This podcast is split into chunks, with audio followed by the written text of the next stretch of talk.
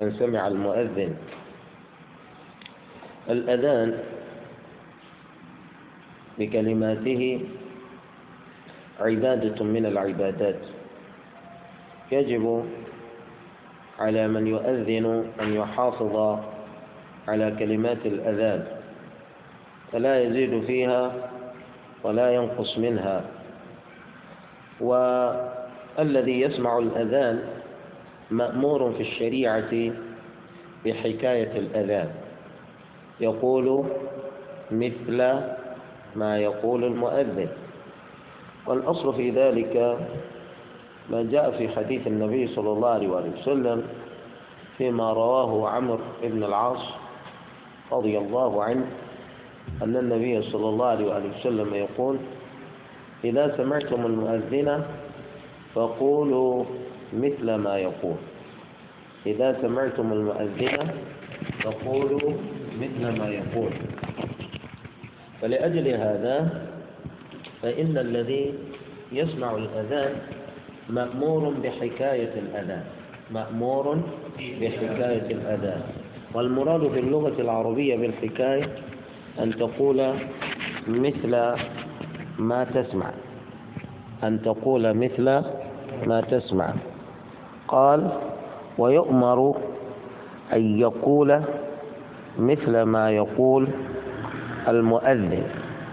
ويؤمر المسلم أن يقول مثل ما يقول المؤذن. لأن النبي صلى الله عليه وسلم يقول إذا سمعتم المؤذن فقولوا.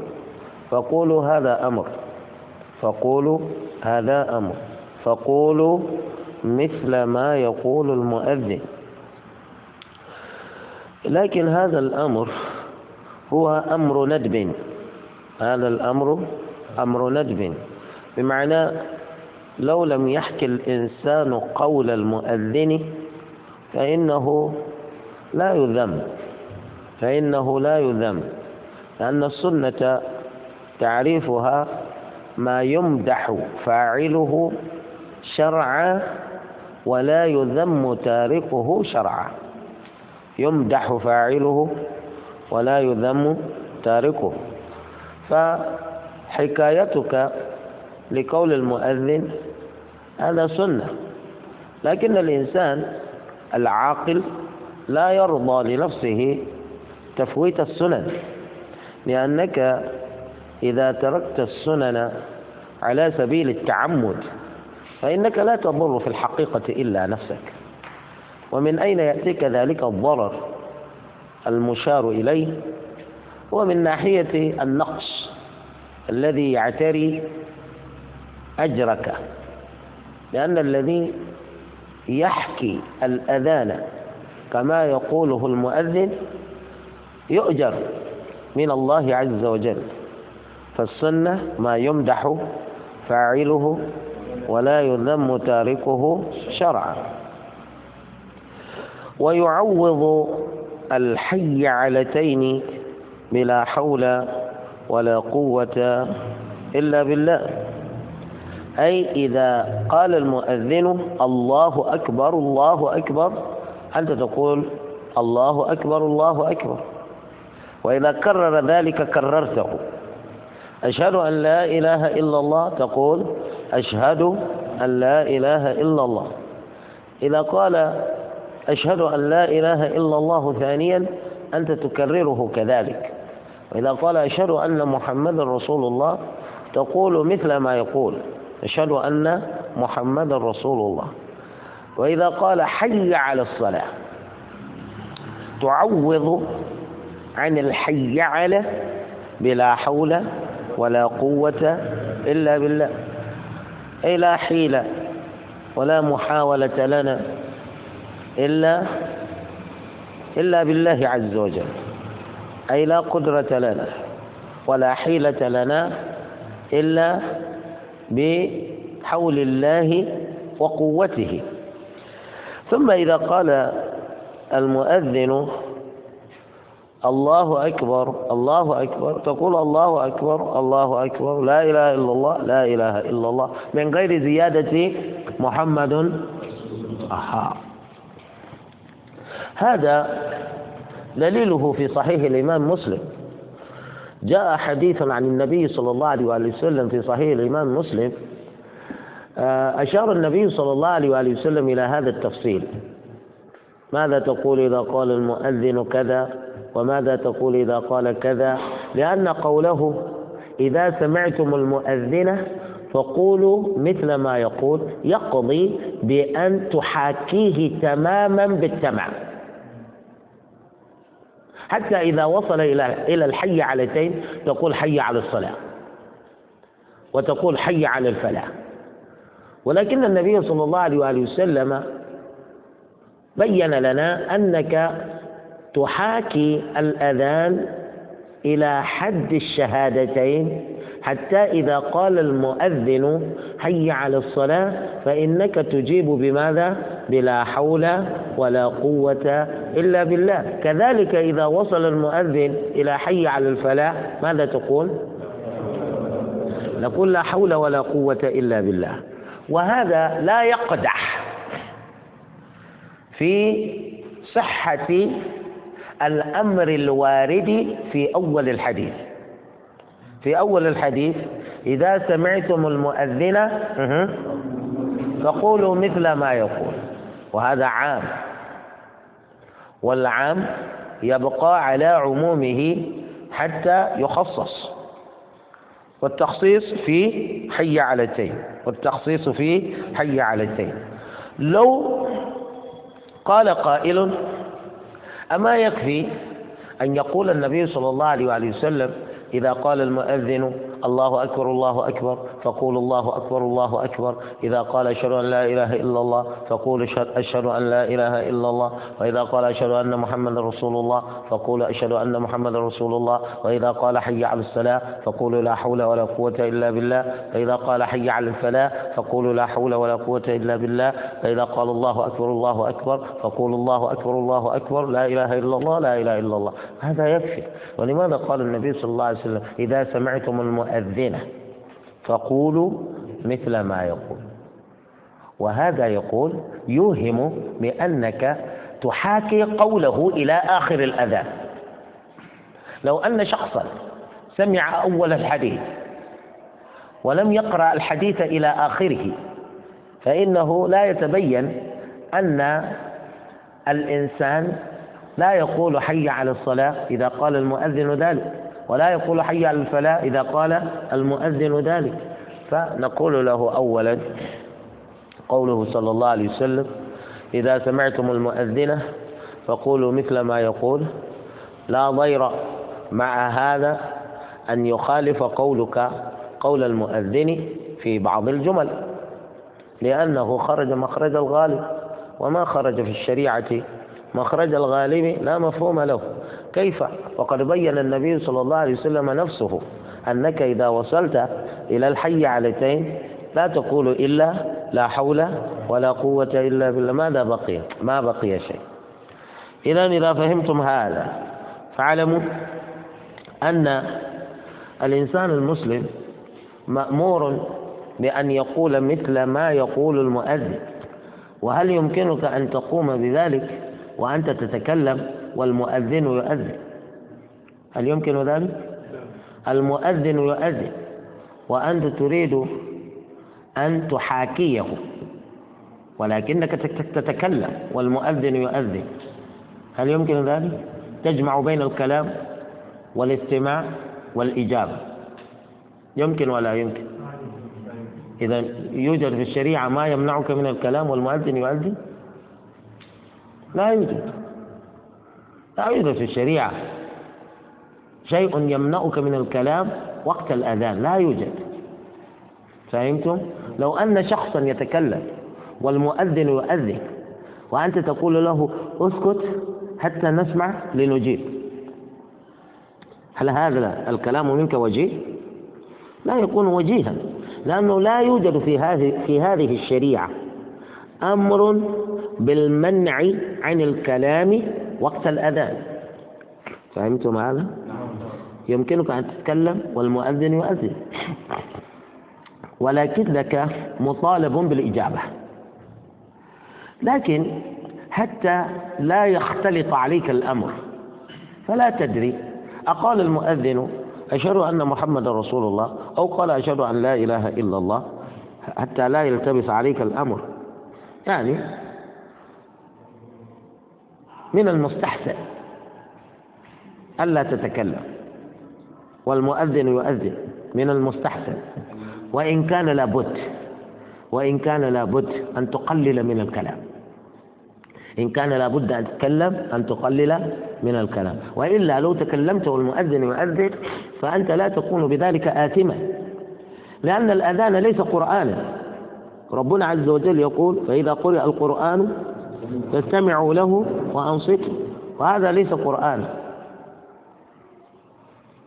فبالتالي لو تكلمت لا تكون آثما.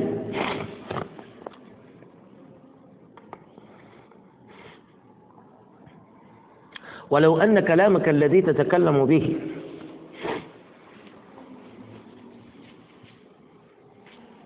ألهاك عن متابعة المؤذن. فتكون مطالبا بإجابة المؤذن بعد بعد تمام الأذان. كلامك ألهاك عن متابعة المؤذن فإذا انتهى المؤذن من الأذان فأنت مطالب بالإجابة. فهمتم؟ المؤذن قد انتهى. أنت أصلا ما سكت ولست معك وما أجبت. الآن تجيب. الله أكبر الله أكبر.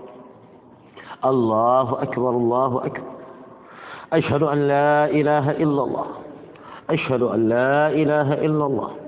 أشهد أن محمد رسول الله. أشهد أن محمد رسول الله. حي لا حول ولا قوة إلا بالله. لا حول ولا قوة إلا بالله. لا حول ولا قوة إلا بالله.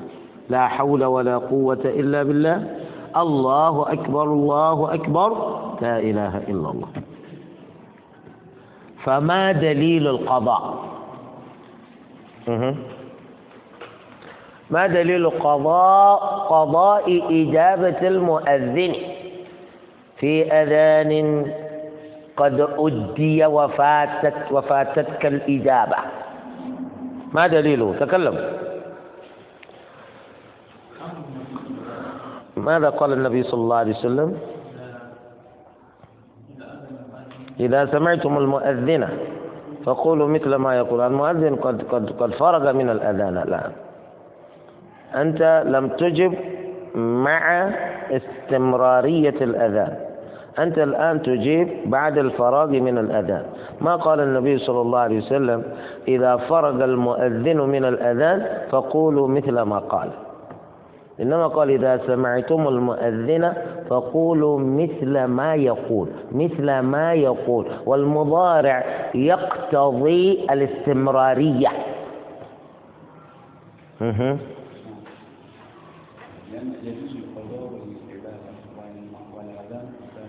آه كلام جميل. لأن الأذان إما أن يكون صلاة أو دون الصلاة أو فوق الصلاة. مه. الأذان. صلاة.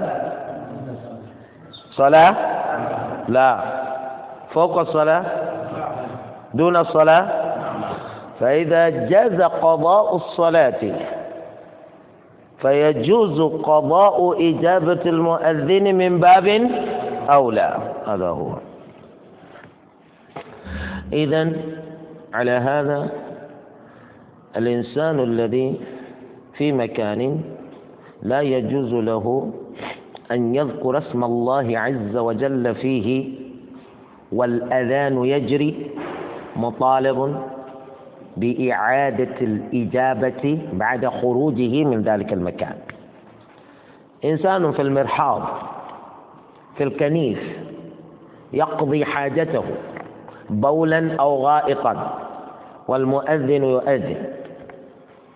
إذا خرج من هذا المكان فإنه يجيب المؤذن يجيب المؤذن.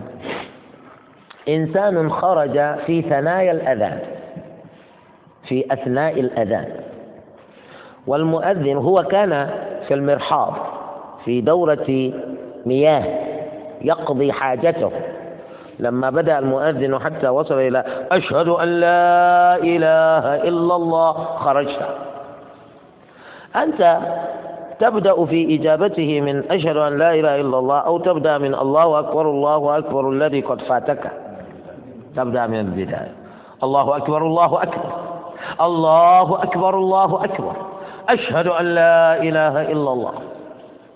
فقال المؤذن أيضا أشهد أن لا إله إلا الله أشهد أن لا إله إلا الله. فهمتم؟ بخلاف من فاتته شيء من تكبيرات صلاة الجنازة. الإمام يصلي على الجنازة وأنت أتيت متأخرا. والإمام في التكبيرة الثانية. الإمام في التكبيرة الثانية.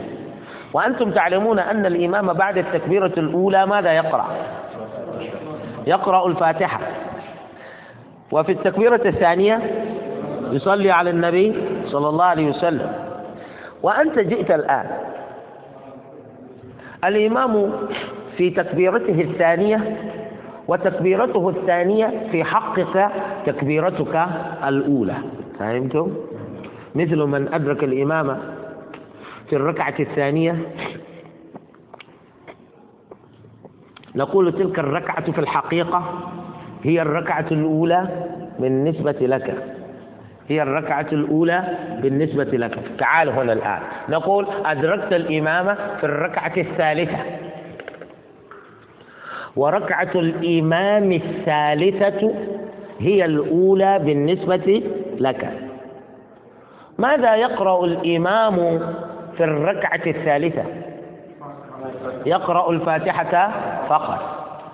وأنت حين أحرمت بالصلاة والإمام في الركعة الثالثة بالنسبة له وقلنا هذه الركعة الثالثة هي الأولى بالنسبة لك. في ركعتك الأولى ماذا تقرأ لو كنت تصلي منفردا؟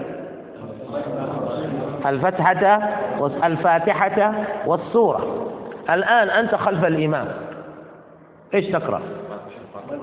الفاتحة كما يقرأ الإمام. إنما جعل, جعل الإمام ليؤتم به.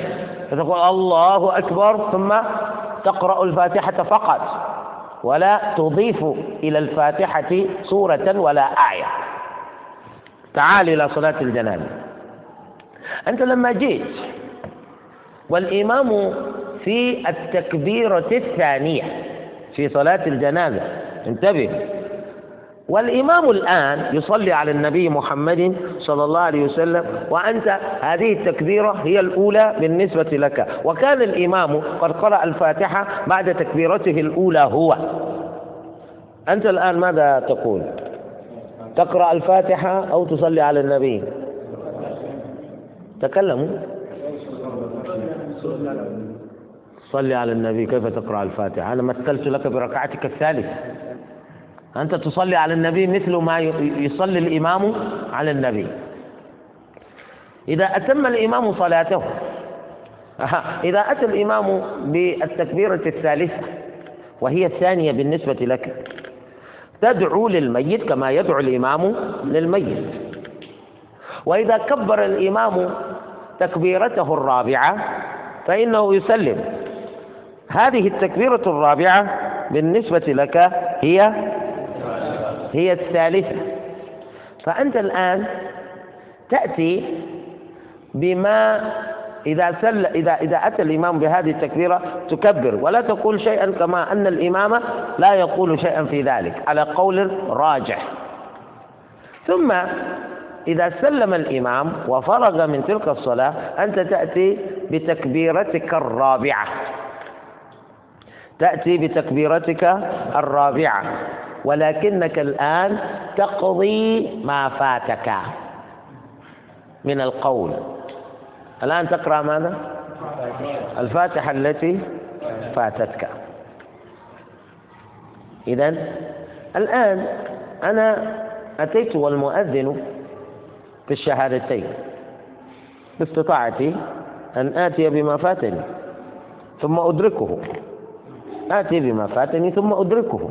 ليس أني أحاكي معه ما يقول حتى إذا فرغ من الأذان أقضي ما فاتني. لا. فهمتم؟ لأنك إذا فعلت ذلك أخللت بصورة الأذان. أخللت بصورة الأذان. وقيل يقتصر في الحكاية على الشهادتين. هذا قول آخر في المذهب المالكي. هم يقولون إذا سمعت المؤذن يؤذن فإنك تقول مثل ما يقول إلى أشهد أن محمدا رسول الله. بس وبس. لحديث رواه الإمام مسلم رحمه الله أن النبي صلى الله عليه وسلم يقول من قال حين يسمع المؤذن أشهد أن لا إله إلا الله وحده لا شريك له وأن محمدا عبده ورسوله. رضيت بالله ربا وبالإسلام دينا وبمحمد وبمحمد صلى الله عليه وآله وسلم رسولا. غفر له ذنبه. هذا يقول الإمام مالك في قول من الأقوال عنده في قول من قوليه يقول الذي يسمع المؤذن إنما يحاكيه إلى الشهادتين. يحاكيه إلى الشهادتين. كيف ذلك؟ إذا قال المؤذن الله أكبر الله أكبر تقول الله أكبر الله أكبر. أشهد أن لا إله إلا الله. تقول أشهد أن لا إله إلا الله. أشهد أن لا إله إلا الله. أشهد أن لا إله إلا الله. أشهد أن محمدا رسول الله. أشهد أن محمدا رسول الله. أشهد أن محمدا رسول الله. أشهد أن محمدا رسول الله. فتقول وأنا أشهد أن لا إله إلا الله وحده لا شريك له. وأشهد أن محمدا عبده ورسوله. رضيت بالله ربا وبالإسلام دينا وبمحمد صلى الله عليه وآله وسلم رسولا. من قال ذلك؟ غفر له ذنبه. رواه الإمام مسلم. على ذلك إذا قال المؤذن حي على الصلاة لا تقل شيئا. وإذا قال حي على الفلاح لا تقل شيئا.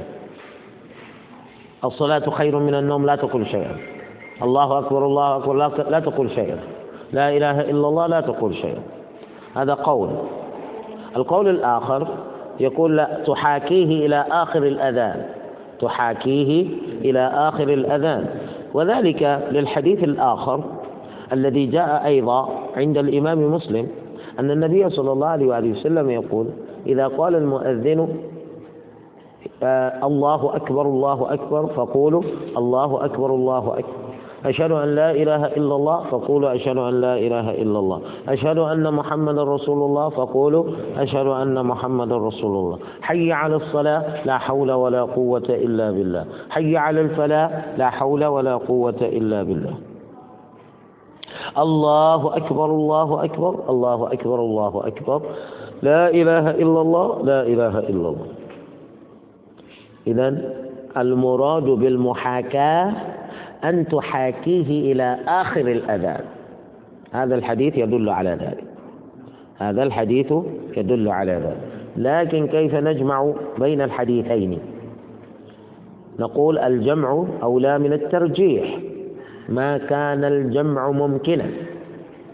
كيف نجمع بين الحديثين؟ يقولون إذا قال المؤذن أشهد أن لا إله إلا الله تقول أشهد أن لا إله إلا الله أشهد أن محمد رسول الله تقول أشهد أن محمد رسول الله. وبعد هذا تقول وأنا أشهد أن لا إله إلا الله وحده لا شريك له وأن محمدا عبده ورسوله.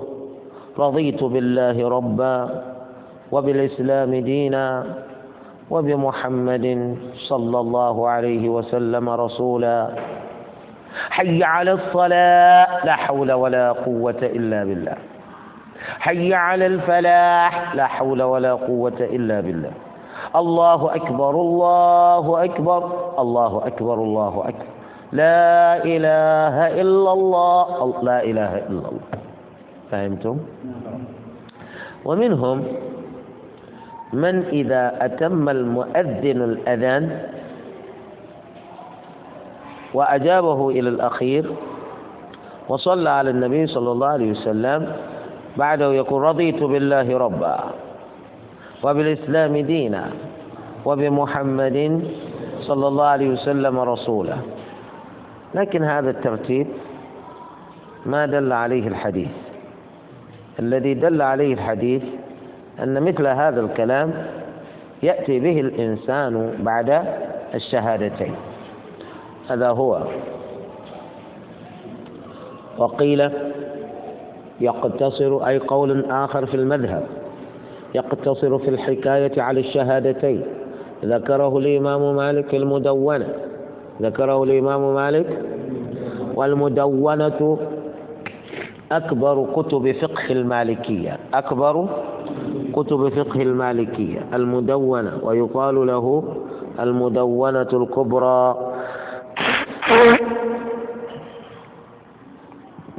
ويسمى كذلك بالكتاب. ويسمى كذلك. ولذلك إذا قرأت في كتب المالكية يقولون وجاء في الكتاب. يريدون ماذا؟ المدونة الكبرى. مثل ما إذا قالوا الكتاب في علم اللغة يريدون كتاب سيباوي يريدون كتاب هذا في اللغة. أما في الفقه المالكي على وجه التحديد إذا قالوا الكتاب فالمراد به المدونة الكبرى.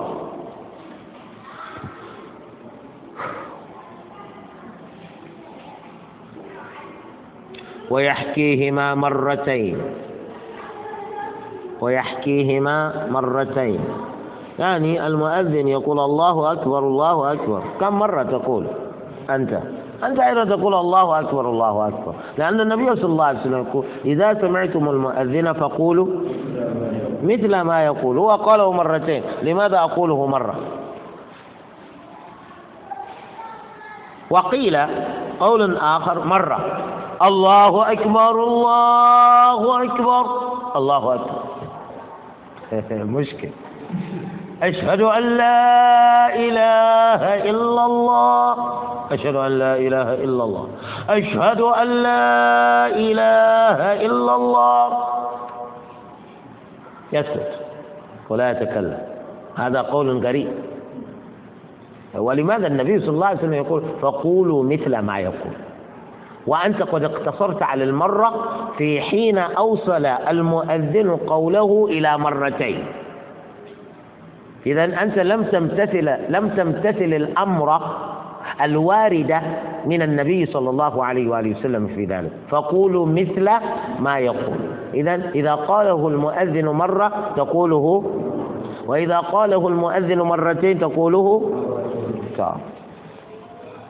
إذا القول بأنك تقوله مرة قول ضعيف لأنه لا يؤيده دليل صحيح ولا ضعيف. لا يؤيده حديث ضعيف ولا ثقيل. فلذلك لا تنهض لا تنه لا ينهض بهذا القول لا تنهض بهذا القول حجته. لا يوجد دليل يقيمه. لا يوجد دليل يقيمه. إذا فإن سمعه وهو في صلاته أنت سمعت الأذان وأنت في الصلاة. والصلاة التي تصليها حين تسمع الأذان لا لا تخلو من أن تكون فريضة أو نافلة. أنت في صلاة فريضة وسمعت المؤذن في مسجد الذي أنت فيه في مسجد آخر يؤذن.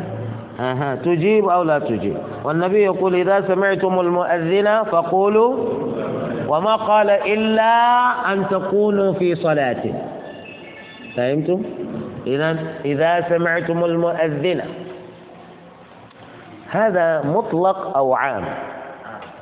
هذا يقال له عام. إذا سمعتم المؤذن عموم الوقت. أي متى ما سمعتم المؤذن؟ فقولوا مثل ما يقول. آه. أنت الآن في الصلاة. هل تجيب؟ فقيل يحكيه في النافلة دون الفريضة. تجيب في النافلة دون الفريضة. لأن النافلة أخف من الفريضة. لأن النافلة أخف من الفريضة. هذا الدليل. لأن النافلة أمرها أخف من أمر الفريضة. ولأنه يجوز في النافلة ما لا يجوز في الفريضة. يجوز في النافلة ما لا يجوز في الفريضة. دليل ذلك الصلاة على الراحلة الصلاة على الناقة الصلاة على الجمل. الصلاة على الحصان الصلاة على مركوب. هذه الصلاة التي تأتي بها وأنت جالس على ناقتك. هل تجوز أن تأتي بالفريضة وأنت على راحلتك؟ ولكن يجوز لك أن تتنفل على الراحلة. إذا يجوز في النافلة ما لا يجوز في الفريضة. كذلك الصلاة داخل الكعبة. لا يجوز لأحد أن يصلي الفريضة داخل الكعبة. لماذا؟ تكلموا. لأنه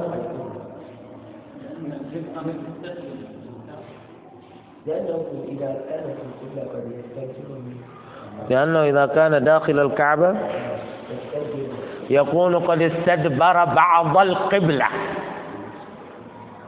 من صلى داخل الكعبة يكون في الحقيقة مستقبلا بعض الكعبة ومستدبرا بعضها الآخر.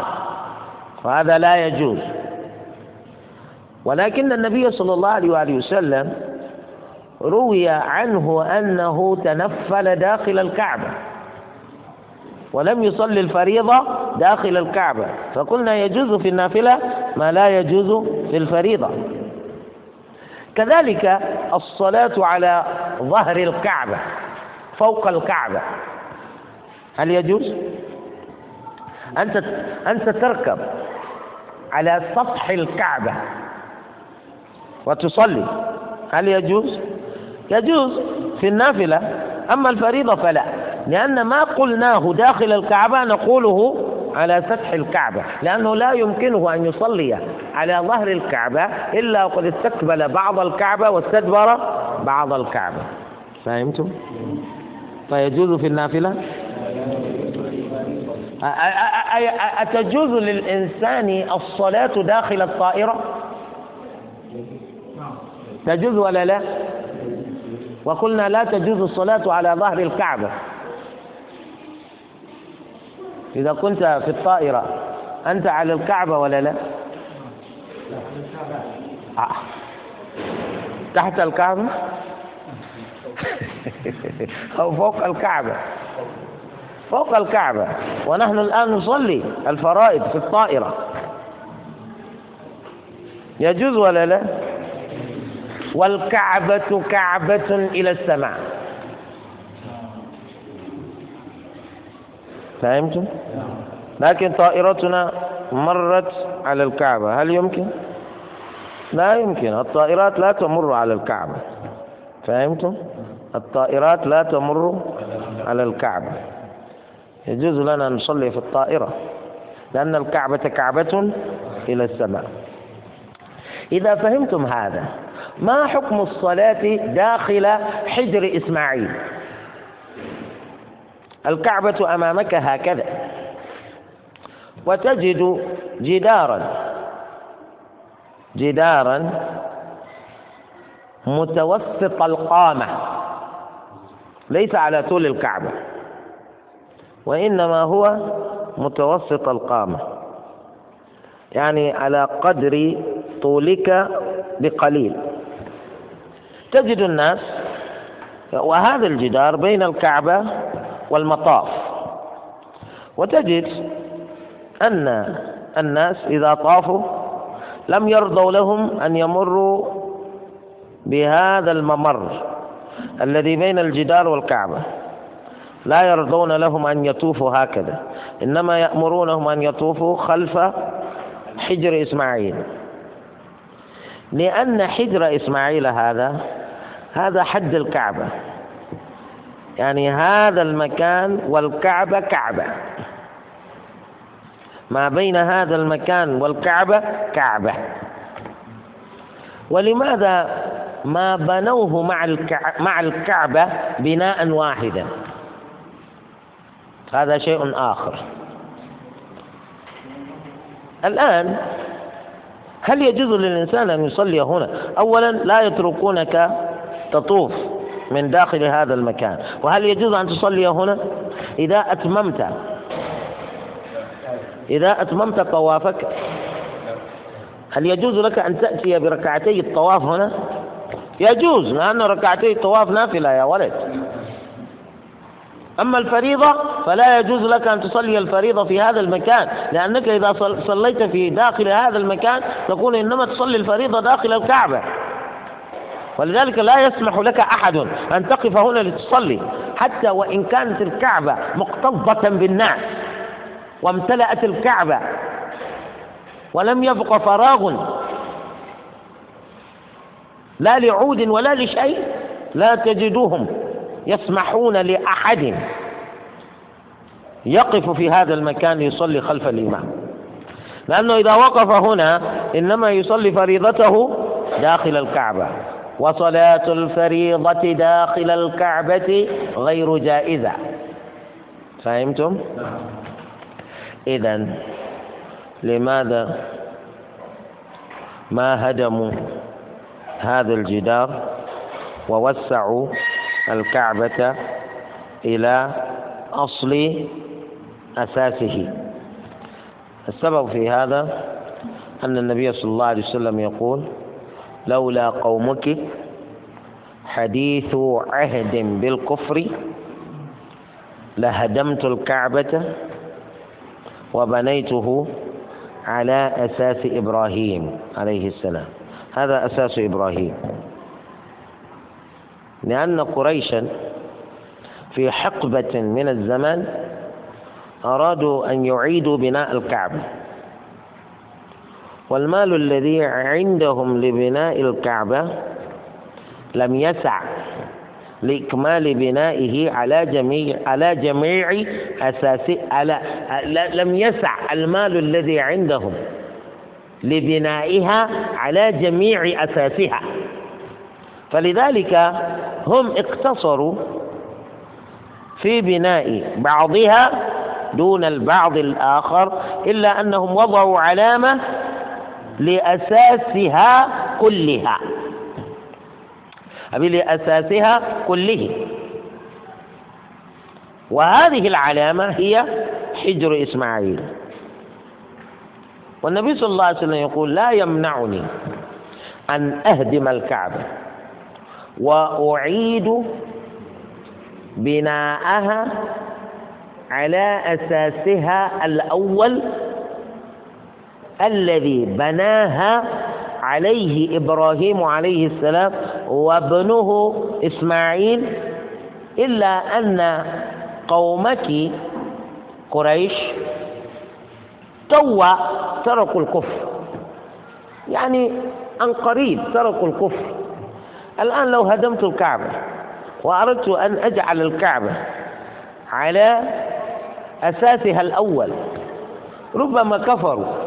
ولا أنت تريد أن تفسد ما ما فعله آباؤنا. هذا الذي تريد أن تفعل بنا وتفعل بآبائنا بعد أن أسلمنا؟ آه النبي أبقى الكعبة كذلك وإلى اليوم بقيت كذلك. إذا فقيل مرة فإن سمعه وهو في صلاته فقيل يحكيه. في النافلة دون الفريضة قد ذكرنا العلة. لأن النافلة أخف من الفريضة ويجوز في النافلة ولا يجوز في الفريضة. وقد ضربنا لذلك أمثلة. وقيل وقيل أيضا يحكيه حتى في الفريضة. وقيل يحكيه فيهما. ولماذا يجوز أو تجوز حكاية الأذان في صلاة الفريضة؟ قالوا يجوز لأن الأذان ذكر. والذكر لا تبطل به الصلاة. الذكر لا تبطل به الصلاة. لأن الصلاة في أساسها ذكر. الصلاة في أساسها ذكر. فلا تبطل الصلاة بذكر. يعني لو قلت الله أكبر الله أكبر الله أكبر الله أكبر من جنس أقوال الصلاة. أشهد أن لا إله إلا الله من جنس أقوال الصلاة. لأنك تقول في الإقامة أشهد أن لا إله وأشهد أشهد أن محمد رسول الله كذلك. حي على الصلاة ذكر وليس من كلام الناس. ولذلك يوجد قول في المالكية يقول إذا كنت ستحكيه في الفريضة تقف عند الشهادتين وقال بعضهم إذا واصلت وقلت لا حول ولا قوة إلا بالله في حي علتين. وأتممت في بطلان صلاتك قولان. والصواب إن شاء الله أن الصلاة لا تبطل بذلك. لا تبطل الصلاة بذكر. ما لم يكن الذكر كلاما للناس. ما لم يكن الذكر كلاما للناس. وقيل لا يحكيه فيهما. القول بأنه لا يحكيه فيهما هو آه، بالنظر إلى أن هذه الأقوال أجنبية عن أقوال الصلاة. أجنبية عن أقوال الصلاة. وأنه ينبغي للمصلي أن ينضبط في الأقوال التي يأتي بها في صلاته فلا يتجاوز ما أمر به. فلا يتجاوز ما أمر به. والصواب أن الصلاة لا تبطل بذلك إن شاء الله. وقيل لا يحكيه فيهما. وإن حكاه في الفريضة لا يتجاوز الشهادتين. لا يتجاوز الشهادتين. فإن زاد عليهما ففي بطلان صلاته قولان. والصواب أن صلاته لا تبطل. وينبغي لسامع الأذان. أنت الذي تسمع الأذان. ينبغي لك أن تصلي على النبي صلى الله عليه وآله وسلم وهذا موطن من المواطن التي يشرع فيها الصلاة على النبي صلى الله عليه وآله وسلم بعد الأذان بعد الأذان. ويسأل له من الله الوسيلة. بعد الصلاة على النبي تسأل للنبي صلى الله عليه وسلم الوسيلة ثم تدعو بما شئت لأنه موطن من مواطن الإجابة. لأنه موطن من مواطن الإجابة. آه، جاء في الحديث الذي ذكرته سابقا حديث عمرو بن العاص رضي الله عنه أنه سمع النبي صلى الله عليه وآله وسلم يقول إذا سمعتم المؤذن فقولوا مثل ما يقول ثم صلوا علي. فإن من صلى علي مرة صلى الله عليه بها عشرا. ثم اسألوا لي الوسيلة فإنها منزلة في الجنة. لا تنبغي إلا لعبد من عباد الله وأرجو أن أكون هو وأرجو أن أكون هو فمن سأل لي الوسيلة حلت عليه شفاعتي. فمن سأل لي الوسيلة حلت عليه شفاعتي رواه الإمام مسلم. وتكون هذه الحكاية على النحو التالي. أنت تحاكي ما يقوله المؤذن حتى تصل إلى الحي علتين فتقول لا حول ولا قوة إلا بالله. الله أكبر الله أكبر الله أكبر الله أكبر لا إله إلا الله لا إله إلا الله. لكن إذا كان الأذان أذان فجر وقال المؤذن الصلاة خير من النوم لا يوجد في هذا الحديث الذي بين النبي صلى الله عليه وآله وسلم آه، جمل الأذان جملة جملة وذكر ما تقوله أنت خلف كل جملة. لا يوجد في ذلك الحديث جملة الصلاة خير من النوم. ولكننا نستنبط مما جاء في الحديث أنك لا تقول شيئا يخالف ما قاله المؤذن في الصلاة خير من النوم. الصلاة خير من النوم. أنت أيضا تقول الصلاة خير من النوم.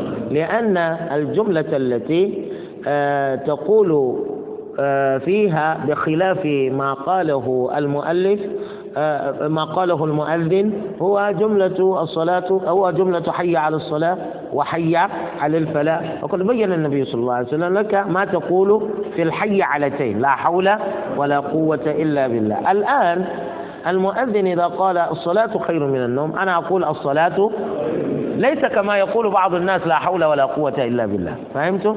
الصلاة خير من النوم. أقول أيوه.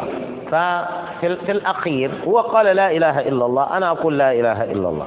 بعد هذا تصلي على النبي صلى الله عليه وآله وسلم اللهم صل على محمد وعلى آل محمد ولا تقول لا إله إلا الله محمد رسول الله. ولا تقول حقا لا إله إلا الله. هكذا يقول العرب. يعني المؤذن يقول لا إله إلا الله حقا لا إله. لا ما أحد لا أحد قال لك تقول حقا. فهمتوا؟ تقول لا إله إلا الله ثم تصلي على النبي صلى الله عليه وسلم. اللهم صل على محمد وعلى آل محمد كما صليت على إبراهيم وعلى آل إبراهيم إنك حميد مجيد. وبارك على محمد وعلى آل محمد كما باركت على إبراهيم وعلى آل إبراهيم إنك حميد مجيد. لا تأتي بصلاة أخرى ها؟ لا تأتي بصلاة تنجينا ولا تأتي بصلاة الفاتح فهمتم؟ تأتي بالصلاة الإبراهيمية. اللهم رب هذه الدعوة التامة والصلاة القائمة. آت محمدا الوسيلة والفضيلة. وإن شئت آت محمدا الوسيلة والفضيلة. وابعثه مقاما محمودا الذي وعدته. إنك أو تقول وعدت. ما في مشكلة. هنا من يقول هذا حلت عليه شفاعة النبي صلى الله عليه وآله وسلم يوم القيامة.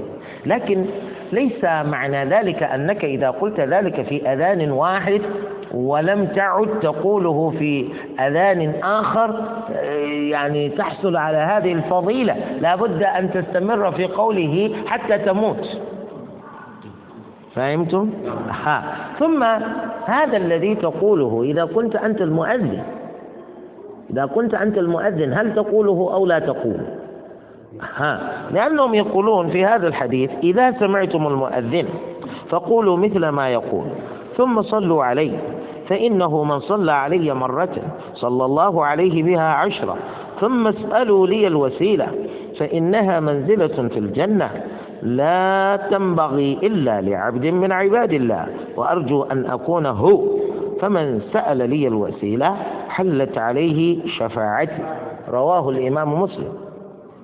هذا الكلام يتناول الناس الذين يسمعون الأذان فقط دون المؤذنين أو يشملهم جميعا. قولان للعلماء. إذا سمعتم المؤذن شفت كيف؟ إذا سمعتم المؤذن. إذا الكلام موجه إلى غير المؤذنين. إلى غير المؤذنين. أنتم الذين تجيبون. وإلا المؤذن لا يؤذن ويجيب نفسه. لكنه يقول ثم صلوا عليه. الكلام هذا أيضا موجه إلى الناس الذين يسمعون المؤذن. فإنه من صلى علي مرة صلى الله عليه بها عشرة. ثم اسألوا لي الوسيلة. إلى من أيضا؟ إلى الذين يسمعون الأذان. آه من هنا الخلاف. قالوا أنتم الذين تصلون وتسألون للنبي صلى الله عليه وسلم الوسيلة. أما المؤذن إذا انتهى من أذانه فانتهى. لا يصلي على النبي ولا يسأل له الوسيلة.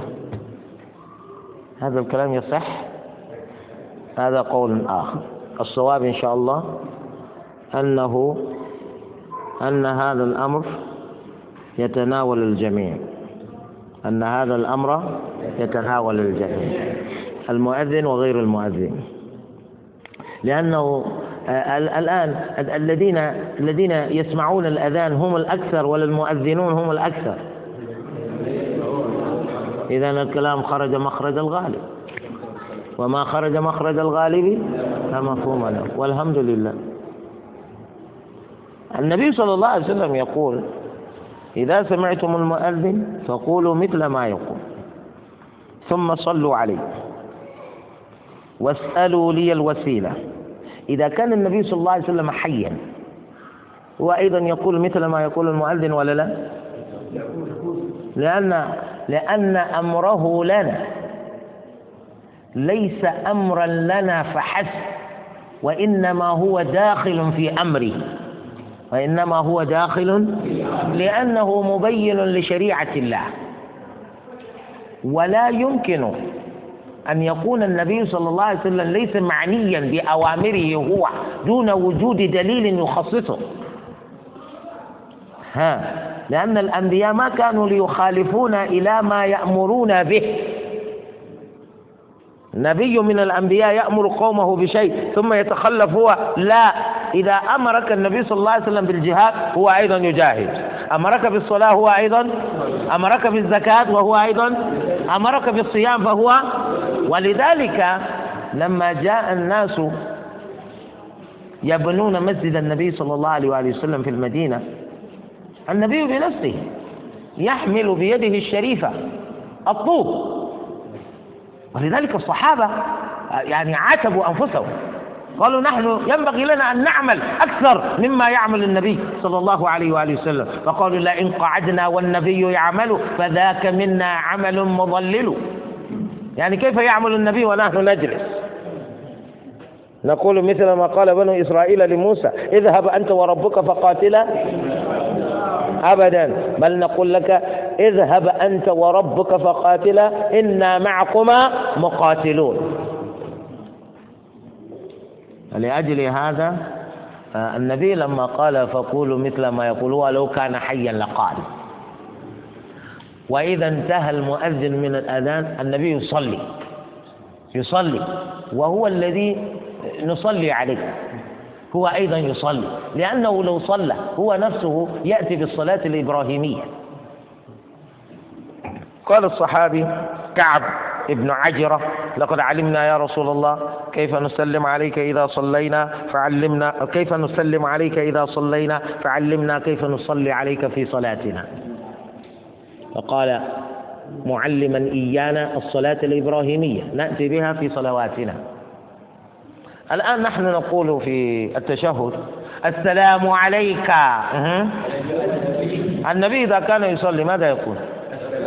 السلام عليك. أيها النبي. ولا يقول السلام علي أنا النبي. لأنه هذه عبادة. إذا أمرك النبي صلى الله عليه وسلم بشيء فإنه لا يكون مستثنى من ذلك الأمر. إلا إذا وجد الدليل الخاص الذي يخصصه. إذا النبي صلى الله عليه وسلم هو أيضا لو كان حيا لقال مثل ذلك. ولسأل لنفسه الوسيلة. ولسأل لنفسه الوسيلة. وليس معنى ذلك أنه إذا سأل لنفسه الوسيلة حلت عليه هو نفسه شفاعته. فهمتم؟ أها. لكن هذا دين.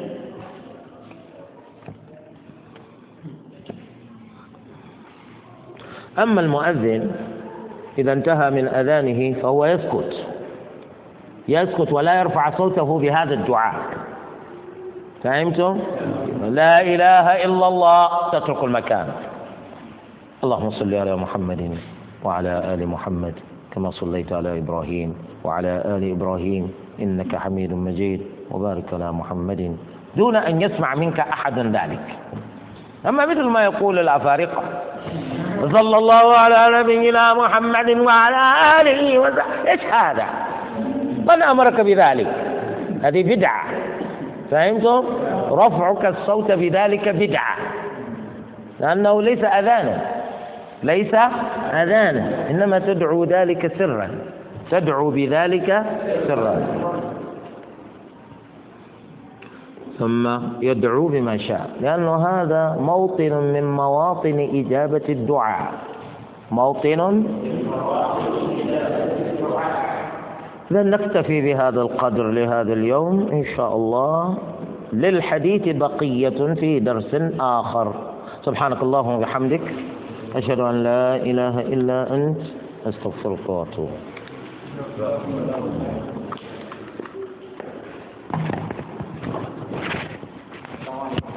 عليكم السلام. ساعة كاملة الآن ساعة كاملة. خلاص الوقت ضاق